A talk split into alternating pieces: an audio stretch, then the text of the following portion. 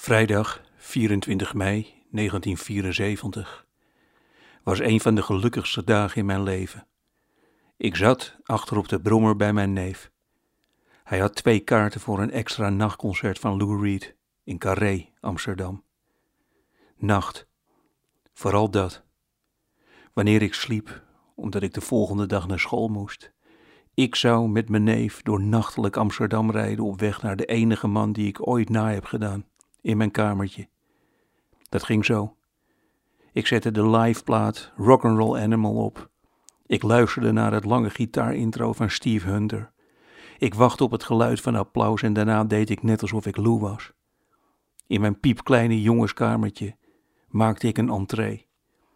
Standing on the corner. Het was niet mijn eerste nachtconcert.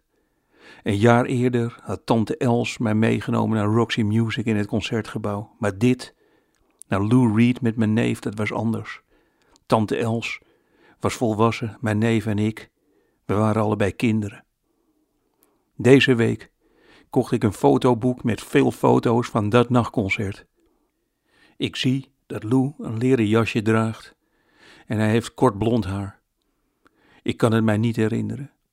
Het zijn alleen alle gebeurtenissen om het concert heen die ik mij herinner. Armen om mijn neef heen op een brommer langs de grachten Amsterdam. Lou Reed is er sindsdien altijd precies op het goede moment.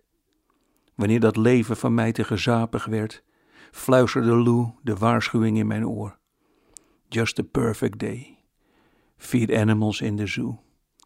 Then later a movie too, and then home toen ik een woedend boek over mijn sportgekke vader schreef.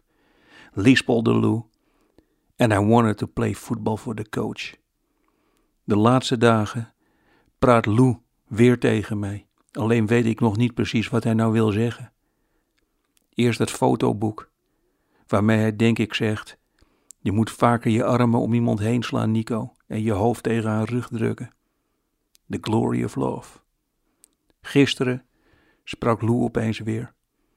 In een biografie van Chris French, de drummer van Talking Heads, beschrijft hij zijn eerste ontmoeting met Lou Reed. Die eet eerst een liter beker ijs leeg en daarna geeft hij David Byrne, de zanger, een goed advies.